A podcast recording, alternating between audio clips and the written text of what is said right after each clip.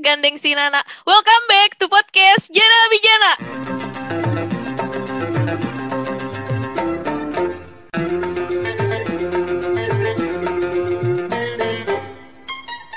Yeay! Yeay, bawa bawa Episode tol. 10. Yeay, akhirnya take juga. Aduh, dari kemarin ya sempat Reschedule Mundur, beberapa jadwal sama reschedule. si gestarnya ini karena gestar yang kali ini tuh Gi lagi-lagi spesial Gi. spesial mulu. Tapi ini beneran spesial sih kalau kata orang. Iya sih Karena kayaknya kayaknya yang ini bintang tamunya skalanya skala nasional gak sih, Nap? Iya, terus kayaknya kita juga belum pernah undang gestar yang dari background seperti ini gitu, seperti hari ini. Jadi Betul, kayaknya betul. hmm, ini suasana baru gitu aja sih buat podcast Betul. kita. Dan ditambah juga sebenarnya cuma bikin beban si Iya. gestarnya aja sih. Pressure banget sih ya. Gak, gak bohong. Tapi emang beneran, emang beneran kayak gitu. Kita jujur kok ngomong kayak gini. Oke, Naps. eh, Hmm, tanpa perlu berlama-lama, mari kita awali seperti biasa ke Hmm. kabar kuningan. Oke, Nap. Berita pertama datang dari tribunnews.com tanggal 10 Februari tahun 2021. Judulnya, Dusun Cimeong, Kampung Mati di Kuningan mendadak viral. Berikut penampakannya dan cerita warga. Jadi, Dusun Cimeong, Desa Cilayung, Kecamatan Ciwaru, Kuningan, Jawa Barat, mendadak viral di media sosial. Dusun tersebut menjadi perbincangan publik karena disebut sebagai kampung mati. Hal itu diketahui dari berbagai channel YouTube yang menceritakan bahwa di Kuningan terdapat kampung mati. Nah, di sekitar kampung mati, beberapa bangunan rumah warga kurang terawat akibat ditinggalkan beberapa waktu lalu. Hal itu memberikan nuansa tersendiri alias berkesan mistis katanya. Nah, keberadaan kampung mati ini, kata si pemilik channel YouTube, ini persis berada di perbukitan. Nah, menurut aparat desa setempat, mengatakan bahwa di Dusun Cimeong memang tidak ada warga yang menetap atau berdomisili di sana. Hal itu akibat sebelumnya terjadi bencana longsor yang menimpa sejumlah rumah di pemukiman tersebut. Hmm. Jadi menurut aparat desa setempat, kejadian longsor itu pada tahun 2017, sewaktu itu terjadi persis ketika mau pergantian tahun. Diketahui dampak longsor, kata dia, ada sebanyak 60 rumah warga yang kini ditinggal oleh warganya karena terkena timbunan material tanah longsor, kayak gitu. Walaupun tidak ada korban jiwa di dalam kejadian tersebut, namun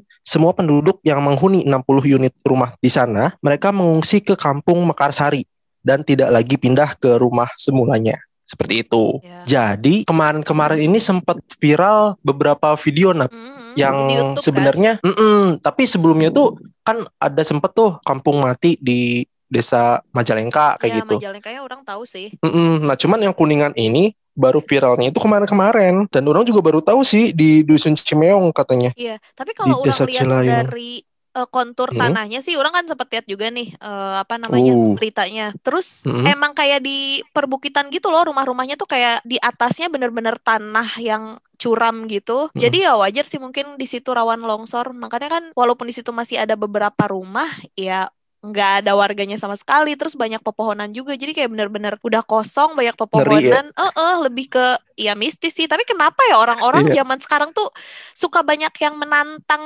hal-hal gaib gitu ya ngapain yang kayak gitu didatengin ya udah sih Ya pertama kan dasar orang kepo, Iya sih, kedua benar-benar. emang buat konten. hmm iya Gitu. sih zaman sekarang kan Zaman orang sekarang pengen viral gitu kan semuanya iya betul, semuanya konten, konten, konten. iya Cuman sih bener-bener. Kocak sih kalau misalkan tiba-tiba ke sana terus ternyata nggak ada warga terus dia kira tuh lagi ada di dimensi lain kayak wah anjir ngeri ini banget. lebih ke halu sih ya Oke, kita udahan mistis-mistisnya. Hmm. Kita lanjut ke kabar yang mungkin ini lebih serius nih. Datang dari oke. kumparan.com tanggal 5 Februari tahun 2021. Judulnya Bendungan Kuningan ditargetkan beroperasi tahun ini. Proyek strategis nasional Bendungan Kuningan yang terletak di Kecamatan Ciberem, Kabupaten Kuningan, Jawa Barat, direncanakan mulai beroperasi di pertengahan tahun 2001 ini. Pengerjaan Bendungan Kuningan dengan luas 284,45 hektar sudah dimulai sejak tahun 2015 lalu. Nah, menurut Bupati Aceh, Waduk Kuningan ini sangat strategis karena bisa mengairi 3.000 hektar sawah, menyediakan kebutuhan air minum sebanyak 300 liter per detik, serta dapat mengamankan daerah sekitarnya dari banjir. Nah, terus dia menyebutkan juga ada enam desa di dua kecamatan yang terdampak pembangunan bendung Kuningan, di antaranya Desa Randusari, Sukarapih, dan Kawungsari di Kecamatan Ciberem, serta Desa Simpai Jaya, Tanjung Kerta, dan Ciharanjo di Kecamatan Karangkancana. Nah, namun dari enam desa itu, terdapat satu desa yang mendapat dampak paling besar yaitu desa Kawungsari sebab hampir seluruh lahan desa tersebut termasuk pemukiman warga yang akan digenangi ungkapnya. Jadi uh, selain itu juga kaitannya dengan ganti rugi lahan, kini pemerintah pusat telah memberikan anggaran sekitar 130 miliar naps bagi lahan warga yang terdampak proyek Ya. bangunan. Eh, nah, anggaran ini diperuntukkan bagi 386 bidang tanah seluas 10,6 hektar milik warga Desa Kawungsari. Bahkan pihaknya ngaku telah membangun perumahan untuk relokasi warga dilengkapi dengan fasilitas umum seperti kantor desa, masjid, lapangan hingga bangunan sekolah gitu. Jadi eh, proyek pembangunan pemukiman di Desa Sukarapi katanya sudah mencapai 40% dan ditargetkan pada bulan April atau Maret nanti sudah selesai dan ditempati oleh warga Kawungsari. Sebab sekitar bulan Juli 2001 ini target bendungan Kuningan sudah mulai bisa digenangi. Oh ini kata si ini ya, kata yang membuatnya ya. Bendungan ini juga tinggal nunggu 100% di mana seluruh warga sudah mulai direlokasi. Jadi ya ini sebenarnya merupakan salah satu program nawacitanya Jokowi ya yang ada di Kuningan. Berarti kita harus pride juga nih Kuningan dikasih amanah. Dan harapannya bisa hmm, bisa bisa ngangkat ekonomi Kuningan juga kan dengan adanya bendungan ini bisa menjadi salah satu objek wisata lagi Bisa kan. Hmm, hmm, hmm. Mm-mm, buat ke depannya kayak gitu. Ya harapannya orang-orang yang direlokasi itu benar-benar mendapatkan apa yang dijanjikan sama pemerintah awal kayak gitu sih. Iya, benar benar benar benar. Sebenarnya ya, kalau misalkan orang boleh cerita, karena kan ini yang ngebangun kan kontraktor orang. Jadi Apa tuh? jadi Oh, ya iya. orang tahu lah gitu kan.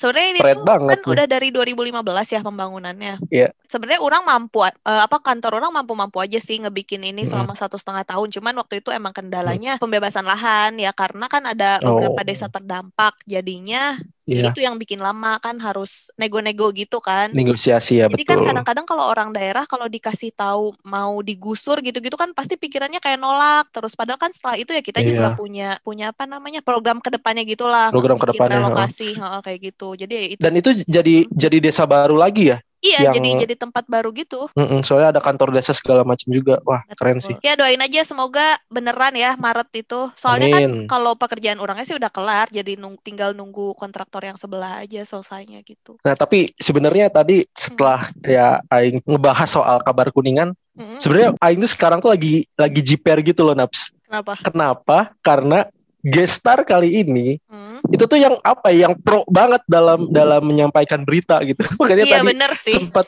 sempet agak deg-degan gitu. Jangan-jangan nanti kita tau Gi yang malah diinterogasi, iya gak sih? Kayaknya sih, kayaknya sih. Ya udah tanpa ya. berlama-lama nih Naps, Mhm. kita kenalan aja langsung ke gestar kita. Ada siapa di Sokin? Halo semuanya, Agi, Nabila, bener ya? Hai Kang. Benar, benar. Halo, hai hai hai, wah udah lama banget ini nggak ketemu sama Nabila, sama Iya, Agi. bener Kalau. Agi sih, kalau sama Agi sebenarnya kita dua tiga tahun yang lalu ya Gi ya pernah ketemu Iya, langsung Pernah waktu ketemu. kita ngisi Karena di ngisi Bandung ya? acara.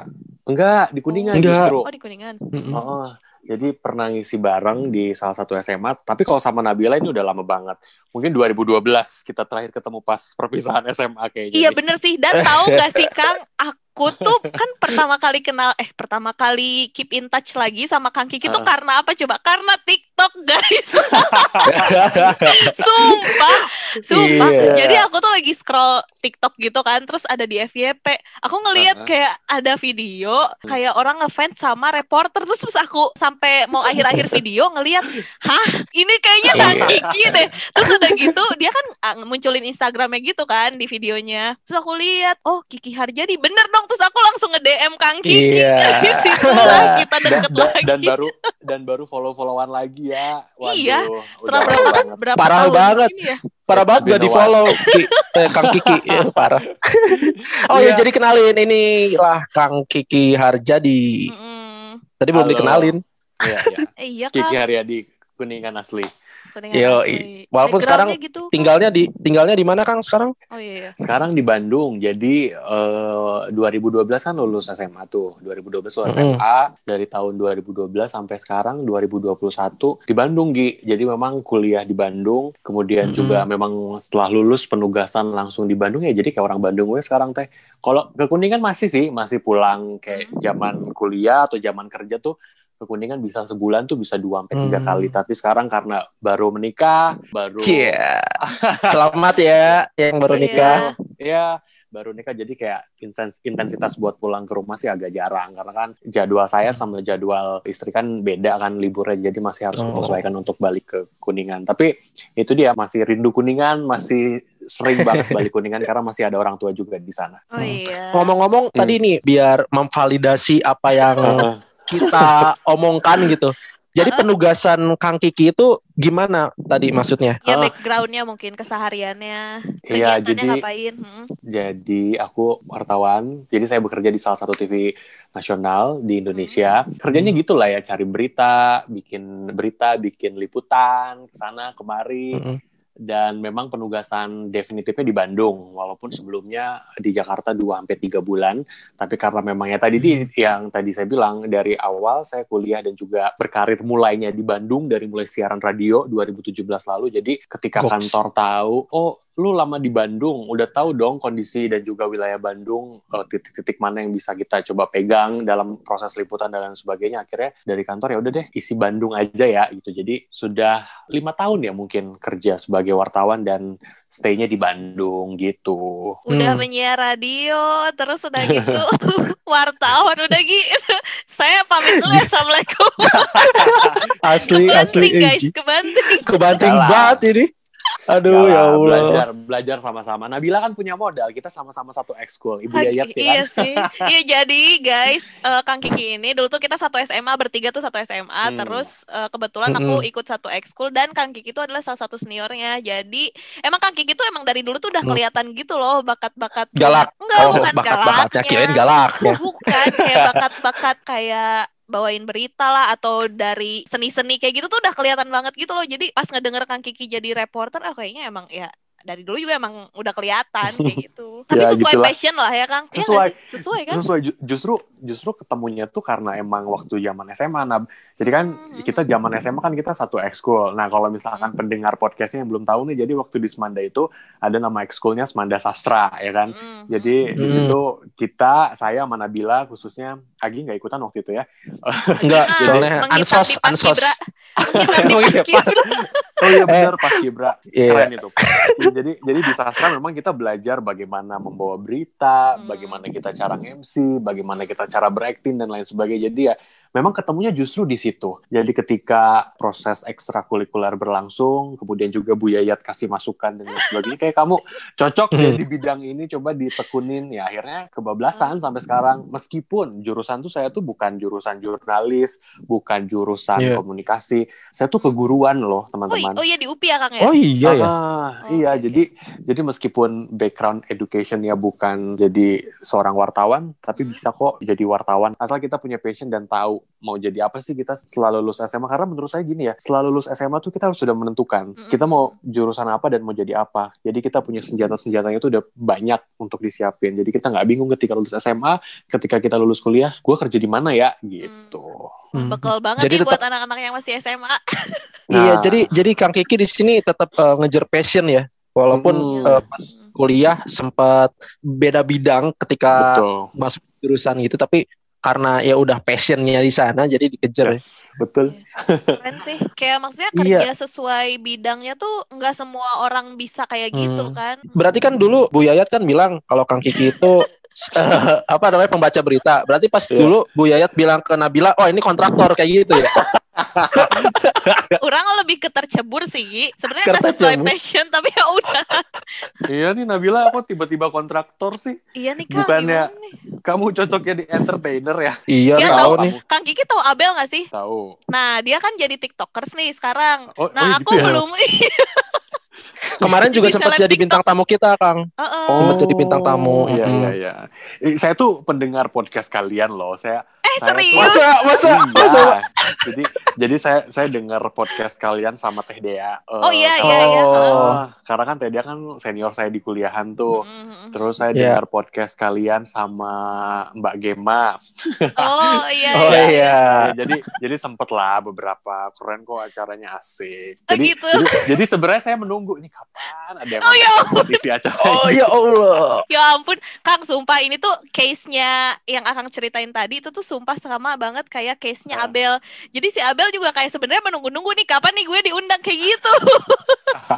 Keren, Aduh, keren, sumpah keren. ini ter- tersanjung banget kita mendengar omongan Kang Kiki. BTW Kang, BTW BTW Ya. nih. Mm-mm. Lanjut nih masalah tadi kan untuk karir Akang sudah disampaikan. Selama ini selama Kang Kiki kan tadi ngejar passion segala macam. Itu apa sih yang yang yang jadi jadi titik kayak akhirnya Kang Kiki setelah pindah ke bidang akademik terus malah ngejar lagi passion tuh gimana ceritanya? Apa emang dari awal tetap ngejar terus apa apa Hmm. ada sebuah momen tiba-tiba ketidaksengajaan lah akhirnya masuk ke gitu gimana gimana bisa ceritain nggak? Waduh, ini sebenarnya panjang ya, tapi kita coba apa-apa, ya. Kang. Bebas. Coba. Durasi Iya. bebas di sini. unlimited Bebas ya. bisa suat unlimited.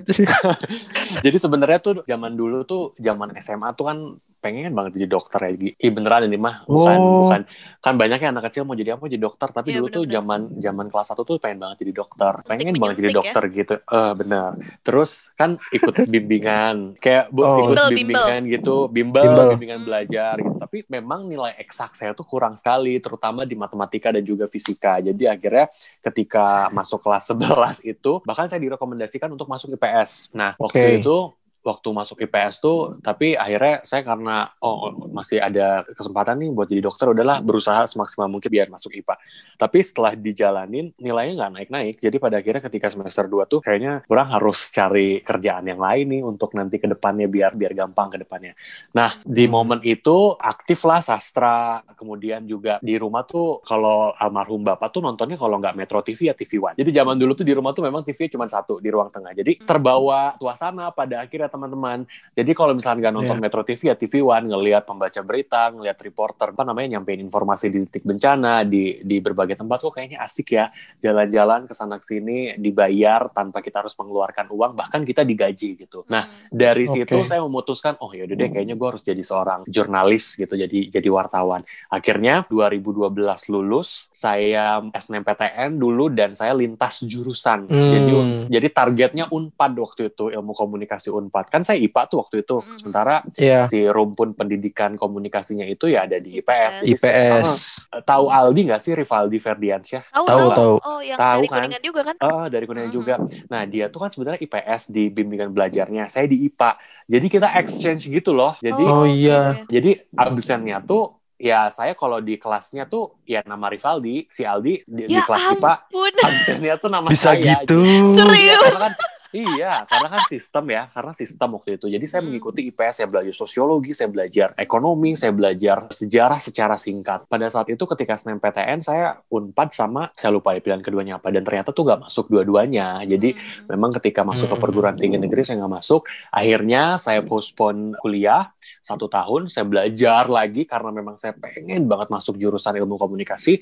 Pada akhirnya 2013, which mean satu angkatan sama kalian, saya masuk Hmm. PTN-nya dan saya PTN lagi SBM PTN dulu namanya kalau nggak Hmm. salah gagal lagi dan saya akhirnya masuk di UPI lewat jalur mandiri masuknya pendidikan sejarah Oh, gitu. pendidikan Oh. sejarah. Heeh. Hmm. Jadi masuknya pendidikan sejarah. Jadi saya belajar sejarah pada basicnya karena saya suka sejarah, saya suka baca. Hmm. Tapi karena memang passionnya masih di bidang komunikasi jurnalistik, saya yakin punya modal itu. Jadi ya saya berjalan beriringan aja ya belajar sejarah iya, saya belajar jadi wartawan iya. Jadi waktu itu ketika Iya, iya. ketika semester 3 ada audisi jadi pembaca berita di salah satu TV lokal di Bandung, saya ikut, saya menang, saya dapat kontrak di sana ya kuliah jalan, kerja jalan. Jadi dua-duanya imbang 2014 waktu itu. Jadi saya kerja sambil kuliah. Dan pada akhirnya Kuliah. Wih. sampai sekarang beginilah jadi ya seru ya Gia jadi pada akhirnya kalau misalkan ada orang yang bilang kenapa nggak jadi guru kan lulusannya lulusan pendidikan kenapa jadi wartawan Mm-mm. justru buat saya itu jadi nilai plus dalam arti ngeliput berita kan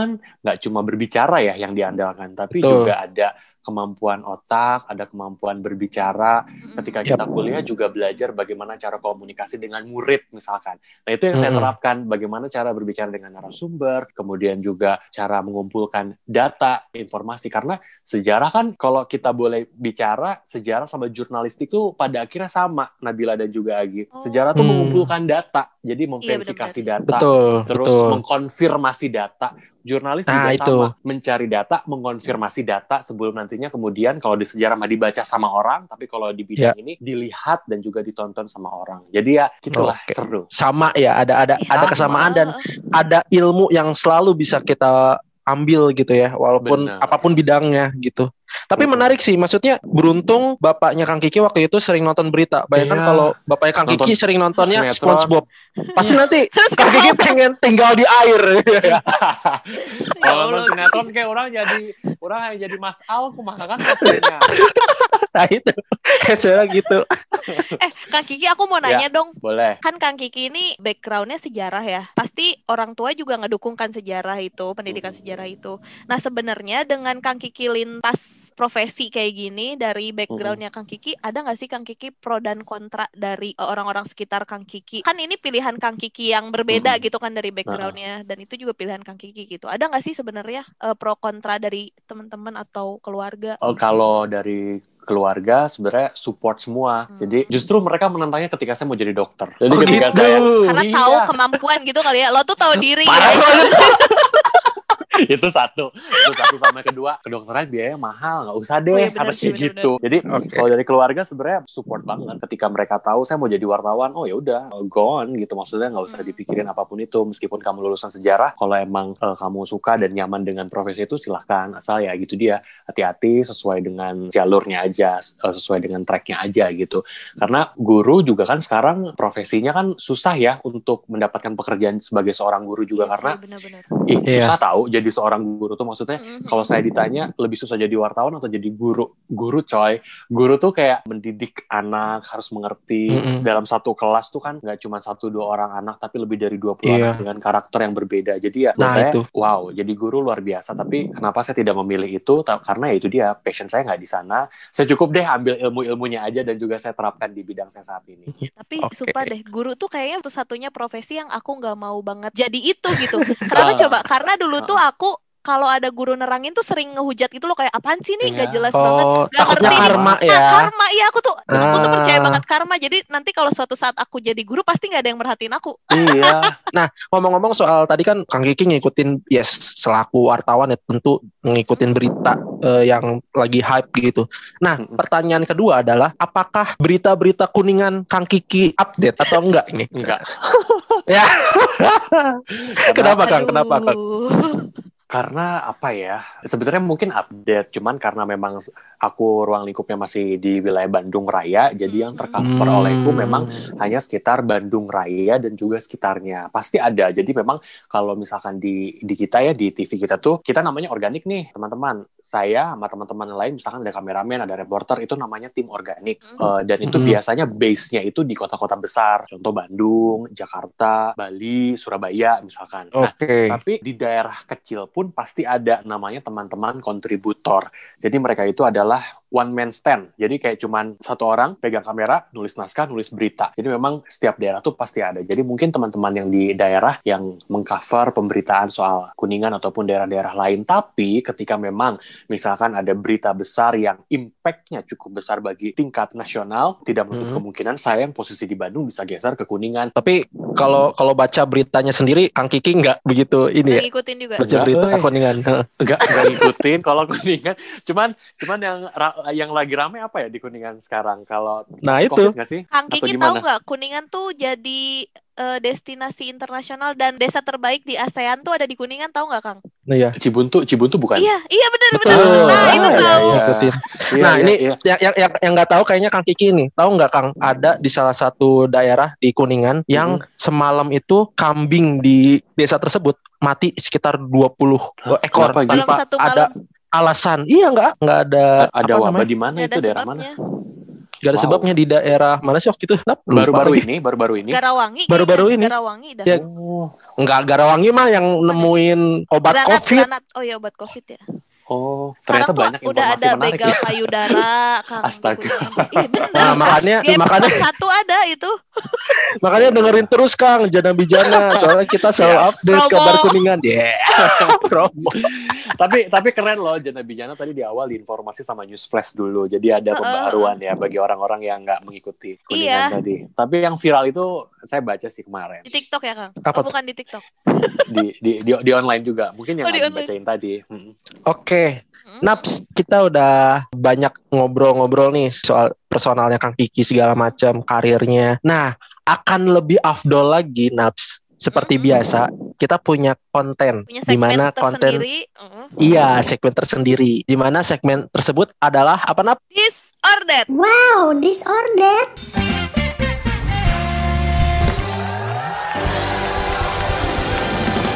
Oke, udah siap ya, Kang ya? Pertanyaan pertama. Milih reporter atau news anchor? Ya, lama. News anchor. Oke, nggak boleh kelamaan ya, Kang. Yang kedua, Oke oke.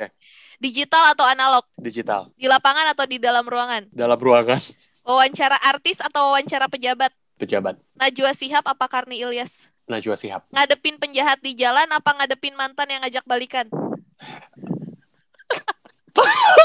Nah, mantan ngajak balikan. Malah aku yang ketawa lagi. Oke, lanjut. Ini gue di depan gue nih, istri gue nih. Terus Jangan sampai rumah tangga retak ya. Oke, lanjut. Ketinggalan dompet apa ketinggalan handphone?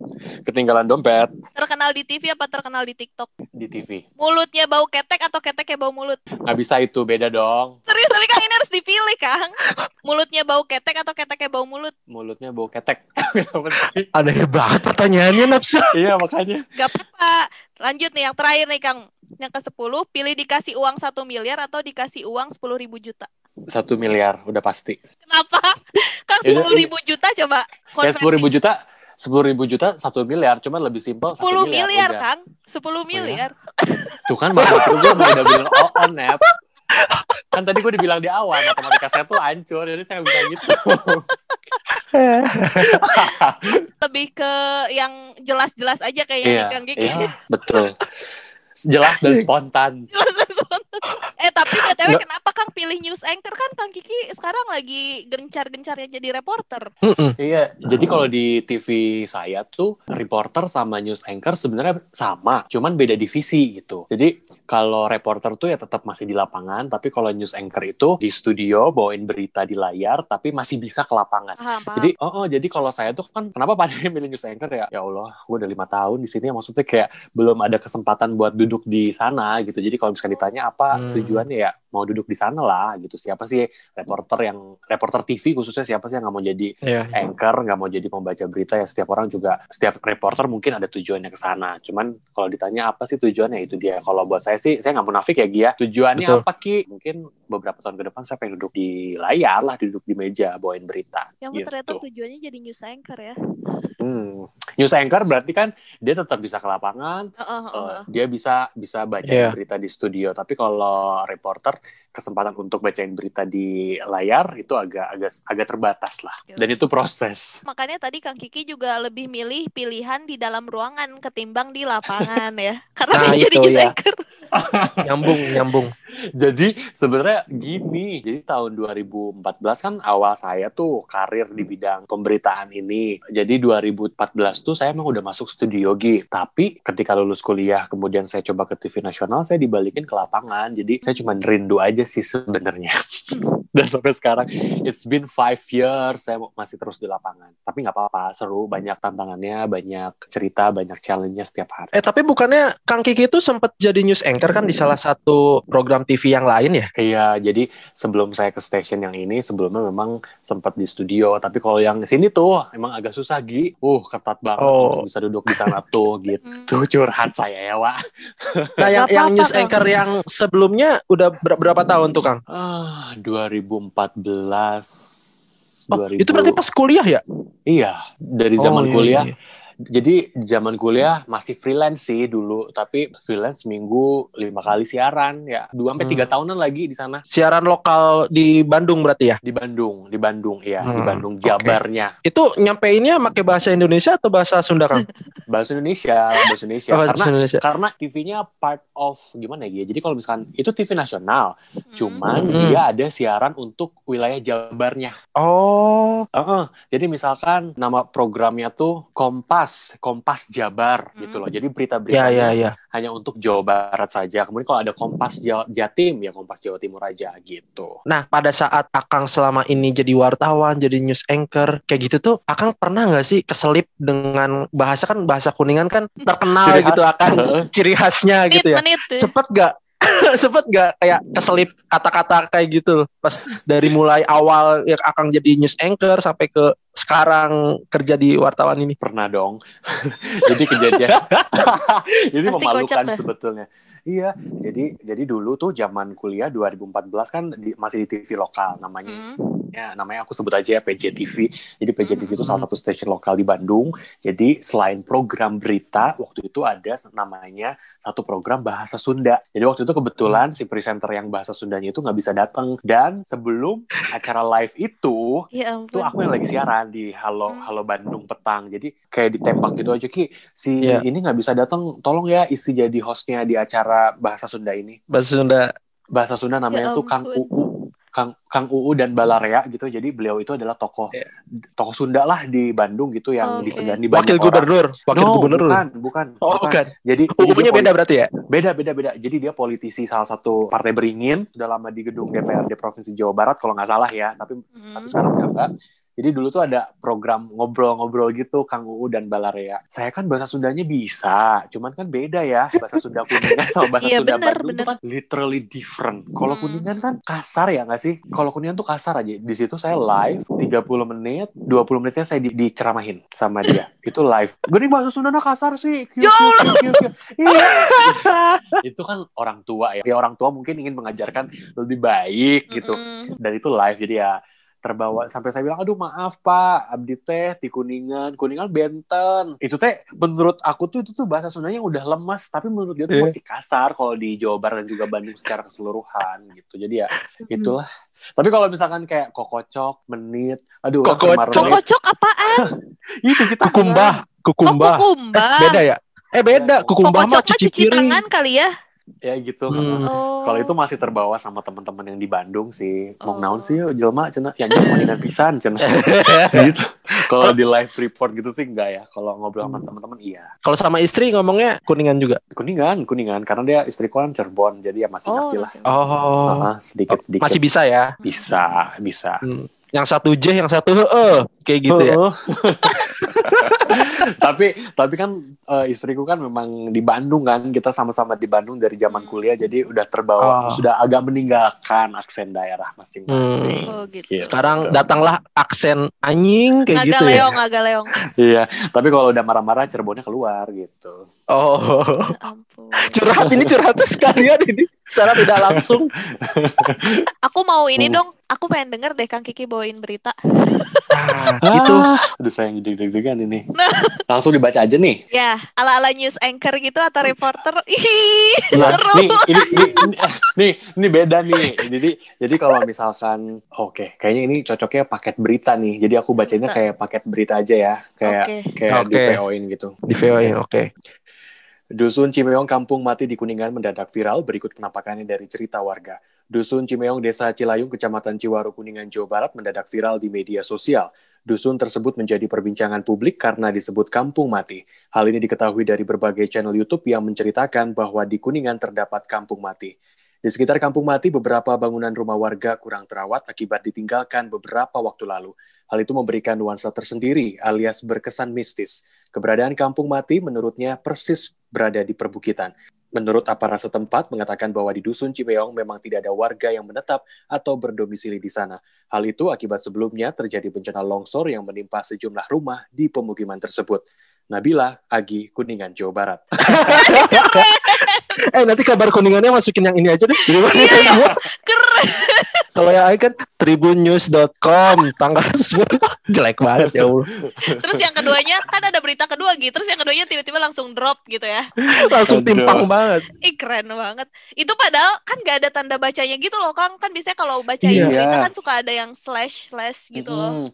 Jadi kalau di berita tuh eh, semuanya harus tulisan besar sebetulnya Oh, harus oke, oke, oke, harus besar semua. Oh. Kemudian ada slash satu artinya koma, ada Mm-mm. slash dua titik, Titik, ya. slash tiga berhenti. Ini pengetahuan nih buat kita. Keren, keren, Mantap, mantap. Ya, namanya juga lima tahun, Gi. Me- Iyalah, jam terbangnya beda kali. Learning by doing teman-teman. Jadi memang Iya. apa namanya saya juga di awal gelagapan ya nggak bacain berita wawancara narasumber tapi ya Hmm. percaya atau tidak ya memang jam terbang dan juga pengalaman sih makanya orang Iya. yang mau berproses pasti punya value yang berbeda juga dulu tuh zaman awal-awal baca beritanya masih masih berantakan banget tapi karena memang belajar terus ada senior juga kan di kantor waktu itu jadi ya belajar sambil kuliah kemudian juga dengar-dengar berita dengar-dengar orang cara menyampaikan terus saya sangat terbantu banget ketika siaran. Karena kan di radio kan di Bandung waktu itu saya bukan siaran anak muda.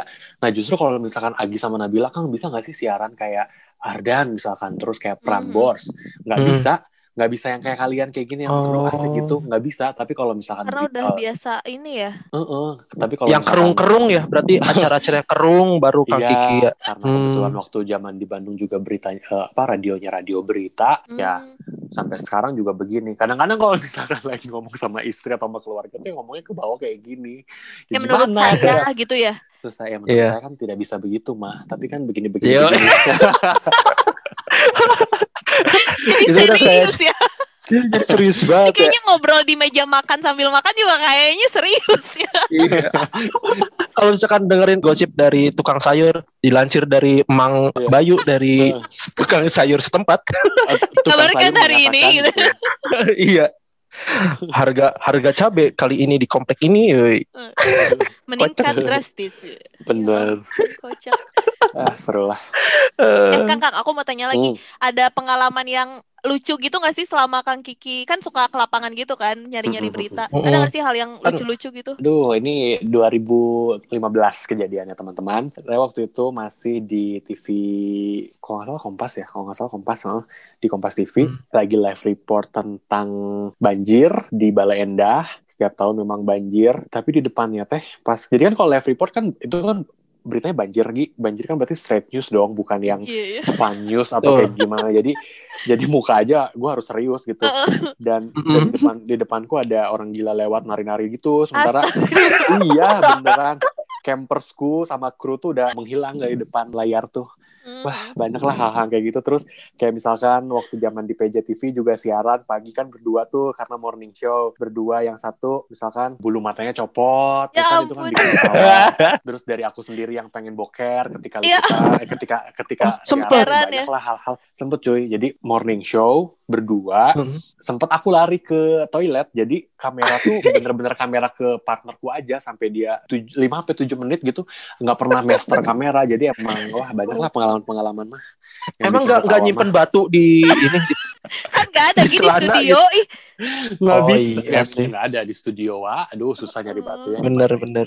Eh, nyimpen batu cukup di SMA aja iya sih. Berarti ter- terjawab ya tadi yang kayak Kang Kiki kan kebanyakan isi berita atau segala macamnya itu ke acara-acara yang kerung. Makanya wajar Heeh. tadi lebih milih pejabat ketimbang artis Iya kayak gitu sih. ya. Iya. Kenapa itu Kang? juga. Tapi pernah gak wawancara artis? paling dua sampai tiga orang gitu ya. Dan itu pun wawancara artis pun bukan wawancara yang soal gosip atau apa tapi tentang kedukaan misalkan. Kayak waktu itu Hmm. Oh, pernah berarti emang ditugaskan tipikal di- sedih-sedih ya Kang ya rata-rata ya. Tadi kan banjir kayak gitu-gitu ya. Heeh. Jadi aku tuh kebetulan memang desknya tuh kebanyakan bencana Gi. Jadi Oh, kalau ya aku Allah. kalau Berarti Kiki bencana berarti Pak. Kiki berencana Haryadi. jadi ketika wawancara artis pun ya ketika kedukaan dulu wawancara Oh, oke. Sule karena mantan istrinya meninggal gitu gitulah belum pernah ya kayak Oh, gosip lambe gitu nggak belum nggak mau sih oh gitu. Tapi bencana nggak apa-apa gitu ya. nggak apa-apa bencana nggak apa oh kalau bencana mah udah waregi Yo, berarti Kayak- berarti nanti kalau misalkan kita ngelihat Kang Kiki di berita udah siap-siap wah bencana apa lagi nih gitu ya. Iya bener. itu kan yang di TikTok juga lagi bencana longsor. Iya iya. Oh gitu ya. Wah, Eh, parah pernah nggak TikTok. lu lagi live, terus di depanku kan ada kamera, otomatis ada kamera dong. Hmm. Di belakang Ya. kamera tuh ada ini, apa sih kalau yang alat berat tuh? Beko ya? Ekskavator. Iya, Oh ekskavator iya. gitu. Mm, mm, Nah, anak sipil tahu nih. Naik ada maaf ya, ada tangan atau apa gitu. Ketika korban longsor diangkat. Jadi ya gitu Ya dia pengalaman-pengalamannya banyak nggak cuma pengalaman yang menyenangkan tapi menyedihkan bahkan mengharukan juga. Ya itu sepanjang liputan tuh ada Oh. gitu. Makanya kita tuh sebagai wartawan harus benar atau harus pintar menempatkan situasi dan juga kondisi bagaimana cara empati, bagaimana cara simpati ya harus benar-benar diasah. Jadi nggak cuma soal gue dapetin berita eksklusif tapi kita juga harus Benar-benar. mengerti orang-orang yang terkait dalam pemberitaan itu. Ya kan harus Kang harus Kiki mengedepankan eh, ini ya apa namanya jiwa humanisnya ya jangan Yes. lupakan Nah, itu ya tapi jadi- Kang Kiki nggak ke- keerep-erep ya tadi yang tadi soal tangan kayak gitu Eh, teman saya ya, kameramen saya yang kerep-kerep waktu itu. oh gitu apalagi Iya, editornya editornya kalau sekarang lihat tangan waduh Kalau kalau saya emang nggak peka ya sama hal-hal seperti itu, jadi ya ya Oh. udahlah gitu. Tapi kalau teman saya waktu itu Gim, ini ini true story ya Nabila. Jadi ketika ketika ada adegan itu malamnya kameramen saya tuh memang merasakan hal-hal yang aneh gitu di tempat itu. Cuman kalau saya mah ya, oh rokoknya sare gitu dah. ya Allah, lagi titik bencana, saya juga tidur di posko, capek seharian. Iya. Dan satu ya, mau jadi wartawan tuh harus siap di mana pun dan ditugaskan kapan pun. Mau tidur di mana pun harus siap, teman-teman. Jangan pikir tidur di hotel atau di mana. Kalau memang liputannya soal liburan ya bisa di hotel. Tapi kalau liputan tentang bencana nggak mungkin di hotel, pasti di posko. hmm, berarti emang Kang Kiki sering sering tidur di posko kayak gitu ya Sering kalau Hmm. bencana. Sempet ya. ketuk ini nggak? Sempet ketukar nggak kalau sama Basarnas kayak, oh ini kamu salah satu ini ya, ya korban ya kayak gitu? Enggak, ya? Barangkali kan. enggak lagi. Oh, Kan seragamnya juga beda, Gi. Iya, terus ditempatkan juga beda teman-teman wartawan sama teman-teman korban. oh tetap tetap dibedain ya. Tetap dibedain. Karena kan kita butuh colokan banyak, harus Oh, iya gambar. Hmm. Ini, Oh berarti kalau di posko wartawan dapat kasur, kalau yang orang warga-warga enggak gitu ya? Gak gitu, coy. Oh, enggak biasa. Dapat Eh, cuman si beda Agi di bisa colokan ya, aja, Gi. nyerempetnya ya. Beda di colokan doang. Beda jolokan doang. Oh. Agi, Agi hebat ya sarkasnya ya. Iya, emang. Oh. enggak. Enggak lah, kita sama-sama. Wartawan ya. mantap, wartawan mantap. Oke, menarik, menarik, menarik. Oh, aku tuh pengen banyak banget nih ngobrol-ngobrol panjang gitu sama Kang Kiki. Uh-uh. Cuman sayang ini durasinya kita udah Over ya. Kumaha sih tadi Iya. katanya unlimited, Gi. Ah, Oh, ini oh ah. masih sih, Gi. iya ya, Bang bener ya. briefing, ah. Perasaan tadi Aing ngechat maneh Naps katanya iya udah. Kesel banget. Nanti part 2 lah ya kapan-kapan. Iya, eh boleh nggak Kang nanti diundang Ya, lagi? itu. Boleh, boleh, boleh, boleh. Nah maksudnya Oh God. maksudnya kalau misalnya sekarang kita abisin semua nanti ke depannya takutnya awkward nggak ada topik kayak Iya, nggak kayak ada topik obrolan pelang, ya wah kabarnya gini. Oh, oh, iya kayak kayak PDKT zaman sekarang kan gitu. Terus. Kebanyakan di awal, di akhirnya nggak digas. Hmm, iya, iya. Gak iya, usah benar. curhat Udah. deh, Gi. Udah deh, Gi. Ya nggak usah curhat yang kayak begitu-begitu lah. Udahlah nikah langsung lah. Kayaknya emang udah nggak relate sama Kang Kiki. Eh, Udah merasakan nikmat katanya, nikmat itulah. ya, eh, Naps menarik sekali lagi obrolan kita itu kalau misalkan nggak diberhentiin tuh ya udah gitu, akan Iya, terus berlanjut gitu karena ya. iya apalagi gestar yang benar-benar jago lah akan hmm. mengungkit-ngungkit soal topik baru kayak gitu-gitu ini kayak ya wartawan kayak gitu udah jago lah. Iya. Thank you, thank you, thank you sudah sudah ngajak aku main-main ke Jana Bijana. Senang senang sekali bisa berbagi cerita, apalagi sama teman-teman kuningan. Wah, udahlah, Iya. hayu kapan pun, di mana pun. Kalian nggak bikin YouTube? Aduh, Belum ada yang YouTube tuh- handle sih, Kang. nah Harus- eh, harus. terus yang Eh, mending yang, gitu sih. yang kedua mending- tuh ini, yang kedua tuh takutnya nggak ngejual muka gitu. Itu sih sebenarnya. Bener juga. Lang- langsung sadar ya Gia, mending nggak usah. gitu. Eh, ya, terima Kang, kasih Kang. Kiki Thank you, siap. dan eh, jangan lupa dengerin terus Jana Bijana hanya di Spotify. Bye.